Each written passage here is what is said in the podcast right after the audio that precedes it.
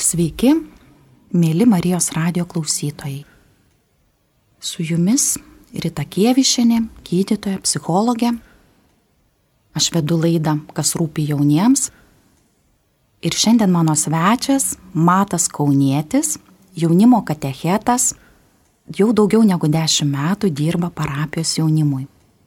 Tai pirmiausiai, Matai, labai ačiū tau, kad atėjai, kad sutikai ateiti į tą laidą. Ir noriu, kad pasidalintum pirmiausia apie savo pačio kelią, nes jau daugiau nei dešimt metų tu ruoši jaunimą.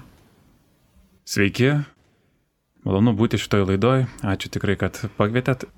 Mano paties kelias įdomiai prasidėjo paties kelias nuo sutvirtinimo, e, bažnyčiai nebuvau labai aktyvus iki tol, buvau tiesiog toks ieškantis kažko daugiau, bandantis savo paauglišką gyvenimą susitvarkyti, susiremontuoti kažkaip.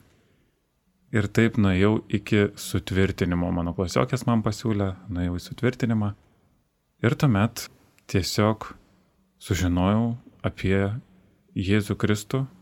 Man pasakė, kad Jėzus Kristus yra Dievas, kas man atrodė labai mhm. keista ir labai tiesiog nesuprantama, nes mano Dievo suvokimas buvo, kad Dievas yra kažkoks didis, tolimas, nepriepiamas ir nežinau, koks mano santykis su juo yra. O čia sako, jis žmogus kažkoks gyvenęs prieš 2000 metų.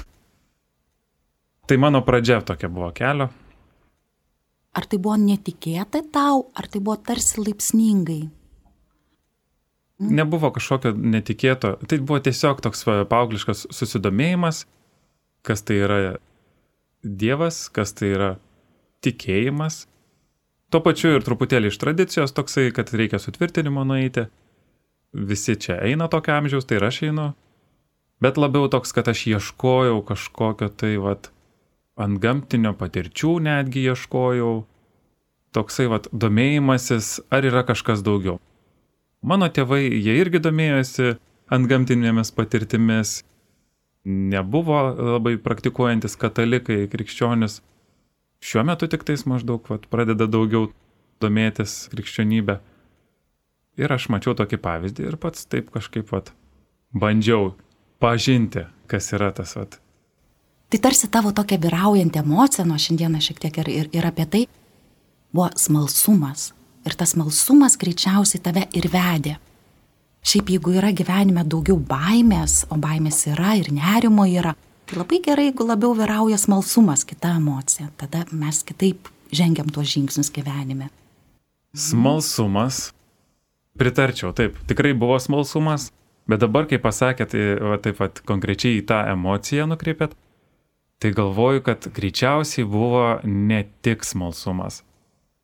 Mano paauglystė buvo gana sunki, Ir buvo taip pat ne tik smalsumas, bet ir toks ieškojimas, kaip savo gyvenimą padaryti geresnį. Kaip man tapti geresniu žmogumi, nes dėl savo poelgių, tokio impulsyvumo ir ne tik impulsyvumo, dėl nuklydimo į kompanijas visokias, su alkoholiu bendravimo intensyvaus ir šiaip ieškojimo draugų netinkamuose drauguose, praradau santykius iš viso su daugybė, daugybė žmonių ankstyvoj paauglystėje savo. Ir e, su tėvais taip pat mano santykis buvo gan toksai vat palūžęs. Ir man tuo pat metu pasidarė smalsu apie antgamtinį pasaulį, bet tuo pat metu ir truputį norėjosi susitvarkyti savo gyvenimą, jeigu taip. Tiesiog gyventi taip, kad mane žmonės mėgtų, o ne nešalintųsi manęs dėl mano tokių visokių poelgių. Ir ne tik tais, kad mėgtų, bet ir kad e, turėčiau tikrų draugų, o ne tik tais tokių, kurie yra su manim tiesiog, nes galiu pastovėti, esu tvirtas už kažką tai e, gatvėje, ar e, galiu kam nors alkoholio nupirkti, nes vyresnis atrodžiau nuo, nuo paauglystės. Dėl tokių vat įvairių sumetimų, tik tais buvau draugas, atrodo, kai kuriems liūdna, bet irgi, irgi buvo žmonės mano gyvenime. Labai ačiū tau už atvirumą, nėra taip paprasta turbūt prisiminti tuos laikus, kurie nebuvo idealūs pas tave. Ir dabar kažkaip iš tavęs girdžiu, kad gyveni tą gyvenimą, kuris yra grįstas vertybėmis ir paauglystai tu ieškoji gyvenimo, kad jis būtų grįstas vertybėmis. Man noriu priminti tik tai, kad paauglystė yra tas laikas, kai jaunas žmogus ieško, o kas jis bus. Taip, tai identiteto paieška, jis ieško, kas jis bus. Tai nėra taip paprasta, tai nėra taip lengva. Ir tu pats liktai pamini, kad ir ta sumaištis yra atitrūkai nuo tėvų, Ir paauglystė ir yra skirta, tarp kitko, tam ir maištavimui, ir ribų atradimui. Deja, ir tėvai tuo metu nėra autoritetai paauglystės metu ir dažniausiai draugai. Ir tu pats kaip ir suvokiai, kad tie draugai, kuriuos rinkaisi, gal ir nebuvo labai tinkami. Ir tada greičiausiai vėl darysi kažkokias išvadas ir gyvenai ir vėl ieškoji kažkokių kitokių dalykų. Ta paauglystė nėra iš tikrųjų tokia paprasta ir iš vienos pusės aš kartais ir džiaugiuosi, džiaugiuosi tai irgi toks galbūt sunkiai vertinamas žodis, kad kai paauglys maištauja, kai paauglys savo ribas tikrina, kitų ribas tikrina. Bet aišku, viskas gerai, kai gerai baigėsi, taip, bet labai džiaugiuosi, kad tu ir šiai dienai, na, esi tam gyvenimo laikotarpėje, kuriame matau, kad turi džiaugiesi ir santoka, ir mokslais baigtais, ir tą, ką darai, Tai kas tau padėjo, atsakykime, ir tam keli paauglystės keli? Galbūt tu padėsi dabar, nes mūsų laida, kas rūpi jauniems, gal ir jiems yra sumaištis ir sunkumas, taip? Galbūt yra sunku, nes tėvams pasako kažkokius negražius žodžius ir paskui labai pergyvena dėl to, taip. O kas tau padėjo vis tik, ar ne, tą rast kelią, kuris, nu, mano požiūriu, yra vertybėmis grįsta šiuo metu? Man pačiam labai sunku suprasti, kaip išbridau iš tos paauglystės. Man atrodo, kad paauglystė yra labai sudėtingas dalykas, ne tik tais nepaprastas, bet labai sudėtingas gyvenimo momentas. Iš dalies aš galvoju, kad išaugau iš paauglystės. Kažkaip tai galvoju, turbūt vyksta kažkokie mūsų galvoje procesai, keičiamės per tą paauglystę ir galbūt išaugam. Aš atsimenu, kad man padėjo toks suvokimas vienu momentu, vat, kai buvau nuklydęs paauglystėje toj ankstyvoj. Aš atsimenu, mano tie santykiai buvo kiek vat palūžę ir ką aš, kokį dalyką savo įsivardinau, kad e, aš žinau daugybę dalykų, suprantu daugybę būdų, kaip galiu bendrauti su žmonėmis ir turėti draugų tikrų, bet elgiuosi visiškai priešingai kad aš elgiuosi priešingai, negu žinau, kad yra gerai. Yra geras kelias ir šventas raštas labai aiškiai e, Jėzus sako. Sako, platus kelias ir platus vartai ir daug jo einančio. Ir siauras kelias ir maža jo einančio. Ir jis kalba apie kelią į, į pražūtį, į nuodėmę ir apie kelią į gyvenimą. Kad kelias į gyvenimą yra siauras. Ir tuo vat paauglystės laiku aš dabar, kai reflektuoju ir matau, at kaip buvo, tai tikrai aš jau plačiu keliu, tiesiog buvo lengva rinktis, daryti visokias nesąmonės, kažkaip tai va tiems draugams ten žvengti su jais, negaliu sakyti juoktis, nes žvengti tikrai, daryti darbus, tikrai, kuriais šiandien net nenoriu dalintis ir tikrai nesididžiuoju. Bet kažkaip va, tuo vienu momentu tiesiog supratau, kad aš darau dalykus priešingus, negu kad noriu pasiekmių. Noriu turėti draugus tikrus, noriu turėti santykius gerus, noriu, kad mane žmonės mėgtų ir pats noriu mėgti žmonės, o elgiuosi visiškai priešingai, visiškai atvirkščiai. Tai galbūt tiesiog buvo toks suvokimas. Nežinau, iš kur jis atsirado. Sakau, turbūt išaugau tiesiog į tokį, vat, atėjo laikas ir supratau tiesiog, kad turiu būti kitoks negu esu, nes atsidūriau vietoj, kur nenoriu būti. Ir matai, tu liktai minėjai apie impulsyvumą, apie savo impulsyvumą. Ir gali būti iš tikrųjų, kai mes esame ar ne impulsyvus, daugelį dalykų padarom visai negalvodami. Bet žmogus jis yra toks, kad jis gali prailginti pauzę tarp kažkokio tai įvykio ir reagavimo savo. Kažkas įvyko, Jeigu esi impulsyvus, tai greičiausiai labai greitai sureaguoji, bet galima prailginti pauzę, galima steptelt, galima pamėginti įvairius būdus, kad, na, kaip, kaip ten sako, suskaičiuok iki dešimt. kitam galbūt ir veikia, ar ne? Tas suskaičiavimas iki dešimt, bet padeda ir dalykai, jeigu norim prailginti tą pauzę tarp to, kad nesureaguotumėm labai impulsyviai, reikėtų atkreipdėmėsi į keturis tokius dalykus. Tai pirmiausia, į savo mintis, vad kokios mintis pas mane atėjo tuo metu. Galbūt mintis, kad turiu greitai atsakyti, turiu greitai padaryti, turiu greitai kažką tai tokio, ar ne? Tai vienas momentas. Antras momentas būtų gerai, kad ir tuo metu šiek tiek ir savo emociją galbūt pavyktų atpažinti. Gal esu susierzinęs. Ir jau turiu patirti, kad kai esu susierzinęs arba piktas pridarau labai blogų dalykų, vad prikalbu galbūt. Kad ir su tėvais labai pykstosi, supykęs esu, galiu prikalbėti. Tai kartais gal yra geriau netgi išeiti ir nežinau, gal ir tom durim trinktelt, bet neprikalbėti daug dalykų, taip? Ir tada galbūt tam praėjus tokiam nuslūgus tai emocijai, galbūt bus mintis ir atsiprašyti, jeigu jau, jautiesi nelabai gerai pasielgęs. Atsimenu, aš e, išeidavau iš namų tiesiog, aš nebėgdavau ten, kad e, per naktį negryžčiau, bet būdavo tikrai, čia Kaune mes turim panemunę šilą, aš gyvenau Dainavos rajone ir tiesiog atsimenu, kartais trenkdavau durim, išeidavau ir eidavau tiesiai tiesiog į mišką. Tiesiai, sakau, eisiu, nebegrįšiu namo, po to kažkaip tai nurimsti, pakvėpuoji grino oru ir grįžti namo. Kartais būdavo, net nepastebėjau, kad aš išėjau. O kartais būdavo tikrai, gal jau plaukus raunasi mama ir nežinau, kur aš dingęs ir tu radai geriausią savo tuo metu būdą, kaip įveikti galbūt va kažkokius, nu, ar konfliktinės situacijas, arba kažkokius tos momentus, kurie nėra labai malonus, sakykime, mums tu jį radai įveikimą. Ir esmė tame iš tikrųjų ir yra, kad mums labai svarbu nelaikyti ir nevinioti, ir, nu, psichologija yra žodis toksai ruminavimas. Kai mes daugiau negu dvi minutės galvojame apie tą patį, Taip, sakykime, susipykom su kom nors, ką nors padarėm ir visą laiką galvom, galėjau tą atsakyti, o galėjau jis taip, o galėjau tą padaryti arba kažką tai dar. Tai tas ruminavimas iš tikrųjų yra labai neefektyvus galvojimas. Labai mes mintise sukeliam didelę įtampą būtent dėl minčių. Dėl minčių, dėl to vadinamo ruminavimo. Tai reiškia, kad jeigu yra įtampa, tai palies ir mūsų kūną, kūne mes pradėsim jausti tą įtampą gali būti, ir jūs turbūt jau žinot, ar ne, tie vadinami streso ženklai, kokie būna, kad ir įtampa kakle gali būti, galvos skausmai, širdis plakti, prakaitavimas, rankos drebėti, kai yra didelė įtampa.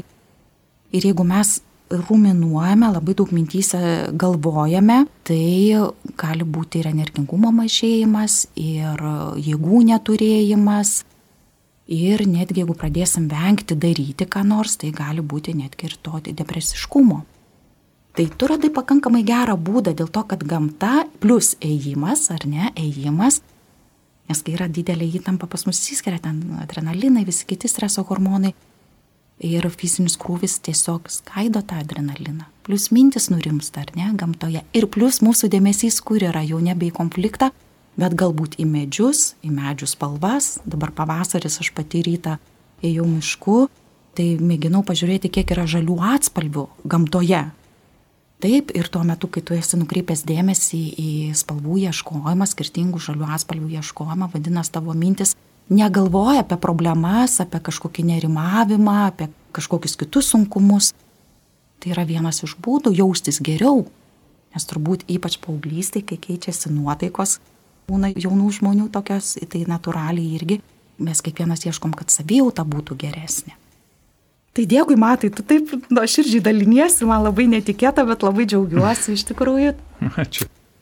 O kaip tu va dabar dirbant su jaunimu, va, kas rūpi tiems jauniems? Galbūt dažniau būni ar net jaunų žmonių tarpe, man tenka būti irgi, aš dėstau dar jaunų žmonių tarpe. Ar tu galbūt išskirtum kelias momentus, kokie sunkumai, kokie problemos, kokie klausimai aktualūs yra jauniem?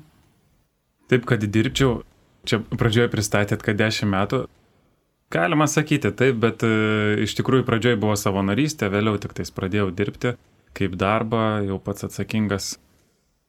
Ir iš tikrųjų tai aš kiekvienais metais gaunu naują grupę, aš ruošiu tiesiog sutvirtinimo sakramentui jaunimą ir stengiasi kažkaip paliesti tų žmonių širdis, stengiasi prisikasti prie jų gyvenimo, prisikasti prie jų asmenybių ir iš tikrųjų gana sunku yra, kiekvienais metais galvoju vis iš naujo, kas jiems rūpi. Ar yra čia tokių, kuriems rūpi iš tikrųjų antgamtiniai dalykai, antgamtinis pasaulis, vad Dievas, ar jie turi kažkokį vat, įsivaizdavimą. Ir iš tikrųjų kartais kai kurie iš vis net neturi ir iš vis net negalvoja apie tokius dalykus. Tiesiog gyvena, verda savo reikaluose, savo moksluose, daugiausiai moksluose, galbūt ten kokioj muzikos mokykloje ar sporte. Ir viskas. Ir kažkaip jie va tiek užimti yra, kad ir nesusimasto, kad kažkas viską sukūrė visą tą džiaugsmą, kurį išgyvena ir tą muziką, ir tuos sportus, ir, ir tos mokslus. Tai va, ir e, ieškau, ieškau, kas jiems rūpi tiems jauniems. Aišku, tai yra mokslai, kas rūpi, galbūt yra užsidegę tikrai sportuoti, turiu grupėje tikrai vyrukai labai labai karštai dega sportų, nori pasiekimų ir tiesiog savo gyvenimą planuoja skirti tam. Ir gražu, aš pats irgi žaviuosi, man patinka irgi sportuoti ir muzika man patinka, nemažai skiriasi su savo gyvenimo laiko tam. Tai jaunimui rūpi, aš galvoju, visiškai tie patys dalykai, kas ir visiems kitiems žmonėms, tik tais tiek, kad jie dar turi mokyklą. kurioje jie kažkaip tais turi sutilpti ir išmokti tų galbūt ir socialinių vingrybių ir taip pat hormonus turi labai rūpi meilės, visokie įsimylėjimai, jau gražus vaikinai merginoms, gražios merginos vaikinams, visa tai yra pats aktualiausias dalykas. Aš pats save atsimenu, kad man viduriniai mokyklai turbūt pamokos tai pamokos, svarbiau pertraukos atrodo. Tai pats geriausias dalykas mokykloje pertraukos. Taip, taip. Ir, ir tikrai eidavau su noru į mokyklą vien dėl to, kad ten buvo žmonės, norėdavau pabendrauti, norėdavau susidraugauti ir kažkaip tai, čia jau nekalbant apie tą ankstyvą paauglystę, bet vėliau jau. Tikrai, ieškoti draugų, kažkaip tai vat, kurti tą santyki, bendrų interesų ieškoti. Ir galvoju, kad tai rūpi jaunimui, kad rūpi turėti tikrų draugų, galvoju. Tai turbūt vienas tokių Taip. rimčiausių. Bent jau aš pagal savo kurpalių taip, taip galvoju, kad turbūt turėti tikrų gerų draugų.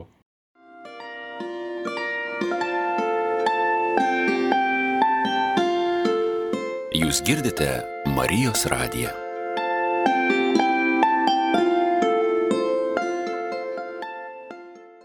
Taip, jeigu plėtojant tą mintį, o kas tau būtų tikras geras draugas, nes tu ir minėjai, kad liktai ir neturėjai tokių gerų, o norėdavai ar neliktai. O kas dabar, Vat dabar tau būtų? Aš galvoju, kad bet kuriuo atveju geras draugas turėtų būti tas, kuris dalinasi bendrais kažkokiais interesais su tavim vienokiais ar kitokiais, bet e, kažkokių bendrumų, na, pradedant, nežinau, nuo mėgstamų automobilių, galbūt, e, tai e, jeigu tau tai pirmoji vietoje tie automobiliai ir tam kitam žmogui, tai žinoma, nu, greičiausiai jūs surasit kažkokią bendrą kalbą, galbūt net ir platesnį vaizdą į pasaulį turėsite panašų ir kažkaip vat, susidraugausit, bet aš galvoju, kad ta draugystės kokybė priklauso nuo to, kokie tie bendri interesai, kiek gilus tie bendri interesai, kiek jie prasmingi tie bendri interesai. Ir geriausius draugus aš susiradau pradėjęs tikėti ir tikrai geriausius draugus susiradau pradėjęs kartu melstis su draugais. Galbūt atrodo taip, kad čia seniems žmonėms tik tais reikia melstis, čia jau ir po vieną būtinai, tik rožančių būtinai kalbėti ir taip toliau. Bet aš tikrus gerus draugus susiradau, kai pradėjau, pradėjau melstis kartu su jais. Ir mes ne tik meldėmės, aišku, mes buvom paprasti, gyvenom kartu tenais, žodžiu, išėjau jau iš tėvų, būdamas 21, man dabar 28 yra, tai išėjau iš tėvų, apsigyvenau su draugais, tokiais tikinčiais, visiškai netradiciškas, jeigu taip žiūrint į bendrą kontekstą, mūsų gyvenimas buvo, bet kaimynai buvo nepatenkinti, nes triukšmavom. Aš manau, kad jie bijojo ateiti mums pasakyti, nes neįdavo. Vėliau tik tais, kai jau išsikraustinėjom, tada pasakė, kad, kad vat, buvo triukšmas, visa kita. Ką aš to noriu pasakyti, tiesiog, kad buvom normalus, paprasti jauni vyrukai, kurie tiesiog norėjo gyventi kartu taip džiaugsmingai, paprastai, bet labai didelę dalį tame mūsų gyvenime vaidino malda ir santykis su Dievu. Ir tai visiškai pakeitė mūsų visų santykių vienas su kitu. Ir iki šiandien mes esam geriausi draugai visi tikrai. Susitinkam. Aišku, šiandien visi esam susituokę ir gan yra keblu susitikinėti dažnai, bet porą, tris kartus į metus tikrai nuvažiuojame kokią pirtį tavo ir patirtim, ir tu pasakoji, kalbi ir tiesiog švyti, prisimindamas tuos draugystės laikus. Šiek tiek irgi taip surezonavo, galbūt, kad draugas geras, tikras draugas toks, kuris leidžia būti tau tokiam, koks tu esi. Nes mes dažnai vis tiek, kai bendraujam, tos visos socialinės kaukės ar neužsideda mandagumo ir taip toliau, ar kažkokias kitas. Bet tikras draugas, galvoju, galbūt jis moka tave priimti, koks tu esi, kad esi netobulas, kad darai klaidų, kad ne viską mokyt. Čia gal man tas svarbu. Ir netgi aš galbūt paminėčiau, kad draugė, kurią vadinu geriausia draugė, mes net nesimatom per metus, nežinau, gal du, tris kartus tik pasimatom. Bet tu gali būti su savo draugu, nežinau, pažeidžiamas, gal netgi taip. Tu gali būti toks, kad nežinai, koks esi, galbūt, nu aš apie save kalbu taip. Galbūt tu gali būti toksai, kai nesi tobulas toj srity, kur nori. Tarsi prieimimas tokio, koks esi. Čia man gal draugystė. Nes mes kai bendraujam vienas su kitu, tai kaip būna, kad patarimus norim duoti, ar ne tą daryk, to nedaryk, ką dar norim. Kitas įk pafilosofuoti norim, kitą kartą norim kitą labiau užtarti, o ne savo draugą. Tai vis tik tas leidimas būti nuo širdžių ir netgi kartais, kai mes mintyse save pliekiame, save skaudiname, apie tas mintis grįžtų, ar ne, ir mintyse daug pasakom savo blogų žodžių, gal galėjau tai padaryti, nepadariau dešimtukui, vadinasi, niekam vertas ar taip toliau. Minčių mes čia daug visokių turime, apie tai ir mąstymo klaidos ir taip toliau, tai kartais netgi aš, kadangi konsultuoju ir psichologiškai, asmenės konsultacijas vedu, Tai kartais ir sakau, kad elgis su savim kaip su geriausiu savo draugu. Ar tu draugui sakytum taip ar ne, kad esu niekam tikęs, kad nepavyks man ten kažką padaryti, ar nepavyks iš to draugo susirasti. Tai draugas, galbūt ta vertinga draugystė yra ir plus, kad buvimas tokiu, kokiu noriu būti. Ir bendra veikla be abejo, ar ne, bendri pomėgiai, bendra veikla. Taip, ačiū matai, taip kažkaip išsirutuliojo mūsų ta kalba link draugystės, link žmonių, taip, kas rūpi jauniems. Tarsi tu paminėjai, kad tas gyvenimas, kurį jie gyvena, mokykloje gyvena, namuose gyvena, va pirmoji meilė taip gražiai paminėjai. Šiandieną įdama vaikščiodama miške, ant tilto radau užrašą myliu remi, buvo parašyta, su dažais, ryškiais. Linkėjimai remi linkėjimai Remi, nuo merginos turbūt jo. Ir pagalvojau, nu kiek žmogus įsimylėjęs, man net tikrai tokia ir šipsena buvo, kiek žmogus įsimylėjęs yra ir kad jis nori šaukti visam pasauliui, kaip man gera ir kaip aš myliu. Tai irgi turbūt yra ir kasdienybė, galbūt tai rūpi jaunimui kaip ir geras dalykas, bet galbūt ta meilės patirtis yra ir sudėtingam būna įvairiai, ar ne, nes santykiai tarp mūsų, meilė tarp mūsų irgi nėra paprasta, ne visiems lengva gal ir atrasti. Tai aš, jeigu galiu klausimą apie tavo santoką, nes tu labai šiltai apkalbėjai apie savo žmoną, kol mes bendravom prieš tai, taip, kaip galbūt jūs susipažinot ir ar teko spręs kažkokius iššūkius? Galvoju.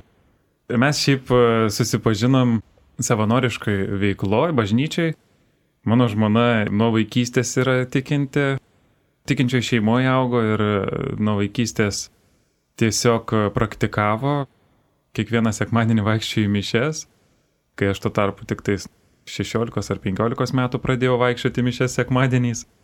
Tai aišku, yra skirtumų tarp mūsų pasaulyje žiūrų, tarp mūsų suvokimo, bet e, kadangi mes abu vidury, pačiam centre savo gyvenimo statome Dievą, santykių su juo, visa kita kažkaip tai išsisprendžia.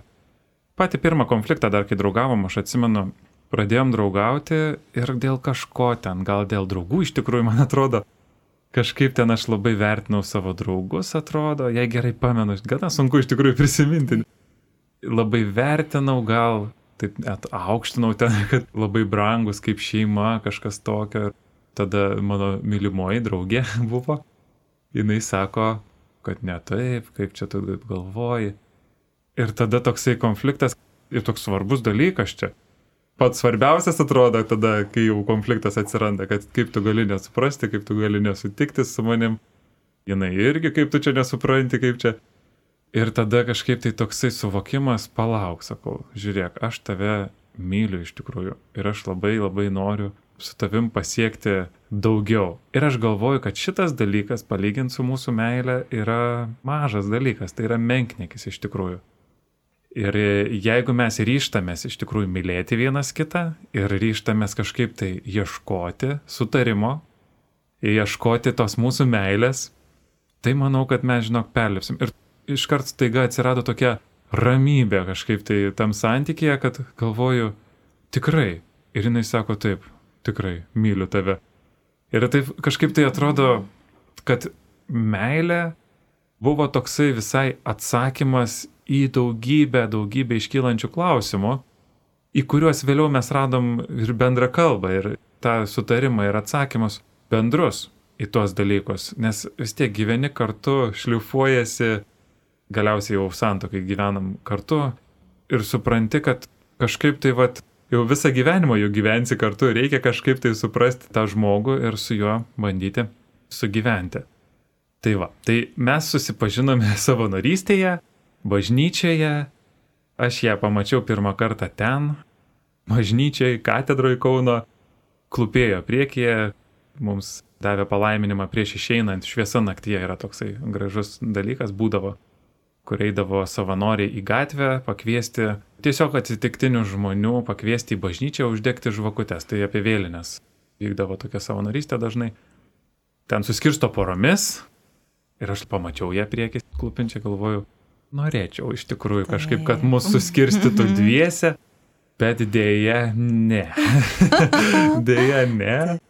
Aš norėjau, bet turbūt nereikėjo. Tai va.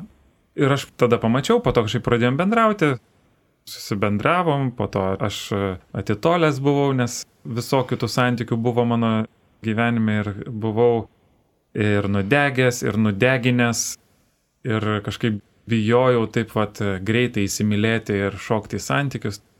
Tai atitolau nuo savo Marijos ir tiesiog kažkaip vėliau tik tai po metų vėl pradėjom bendrauti ir pradėjom bendrauti, po septynių mėnesių pasipiršau po dar septynių mėnesių susitokėm. Tai gan greitai. Dabar jau esam daugiau nei 3,5 metų susitokę, bus birželio 10-4 metai. Labai gera girdėti tavo istoriją, tokia šviesi. Prisiminiau ir savo pažinties su vyru pradžią, mes susituokė apie 27-28 metus. Ir kai kas klausia, kaip nuspręsti, ar tai tikra meilė ar netikra meilė, tai va tavo ir nuskambėjo frazė ir aš irgi dažnai taikau, ar mylėdamas kitą žmogų aš tampu geresnis. Na tarsi toks indikatorius, ar aš tampu geresnis. Tai galbūt tai tada ir būna tikra meilė. Ir aišku, santokoje nėra taip paprasta, nes tai yra kelias, ne ne vienos dienos kelias, tavo jau trijų su pusę metų kelias. Taip ir santokoje tarsi dvi kryptis, kai tu ir kitą supranti, mėgini suprasti, bet kartu neužmiršti ir savo poreikių, kokie tavo poreikiai yra. Galbūt yra poreikis ir pabūti vienam, pabūti vienatvėje, nes tu geriausiai atsistatai galbūt nekalbėdamas, o tylėdamas taip, nors tavo galbūt antra pusė nori būtent per bendravimą, galbūt tavo poreikis yra turėti kažkokį tai hobį, kur tu gali krapštinėtis ir pabūti vienumoje, nes palsėti su tuo krapštinėjimuose gal reikia ką nors remontuojant ar, ar taisant. Tai neužmirš savo poreikius, Net neužtenka neužmiršti, bet reikia vieną su kitu kalbėtis apie tai, nes santokai vienareikšmiai mes galim sužinoti vienas apie kitą kalbėdami ir išsakydami, kas man svarbu. Taip ir jau turbūt žinot, kad santokai kalbėti ir vertėtų aš kalba. Ne tu, tu tą darai blogai, tu tą darai blogai, bet aš. Kaip aš jaučiuosi, kai tu ką nors darai. Galbūt aš esu nuliūdusi, kai tu ką nors padarai nepasitaręs galbūt, arba supykstu labai, kai tu padarai ką nors.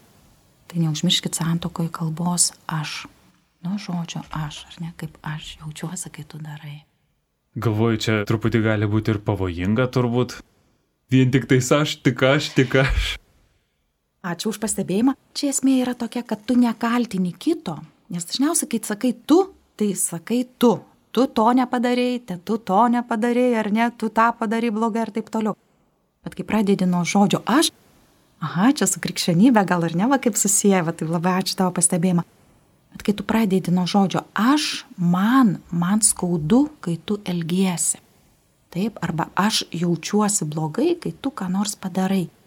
Tarsi ne nuo kaltinimo pradėti šeimoje, ne nuo žodžio tu, bet šeimoje, na tarsi nuo aš, kaip aš jaučiuosi. Mes dažnai nemokam šeimoje išsakyti savo jausmų, irgi galim nutilėti. Jeigu vienas nutyli ir paskui mintyse labai daug galvoja, kalba, tai nėra gerai tau galbūt neaktualu ir gal jauniems labai nėra dar aktualu.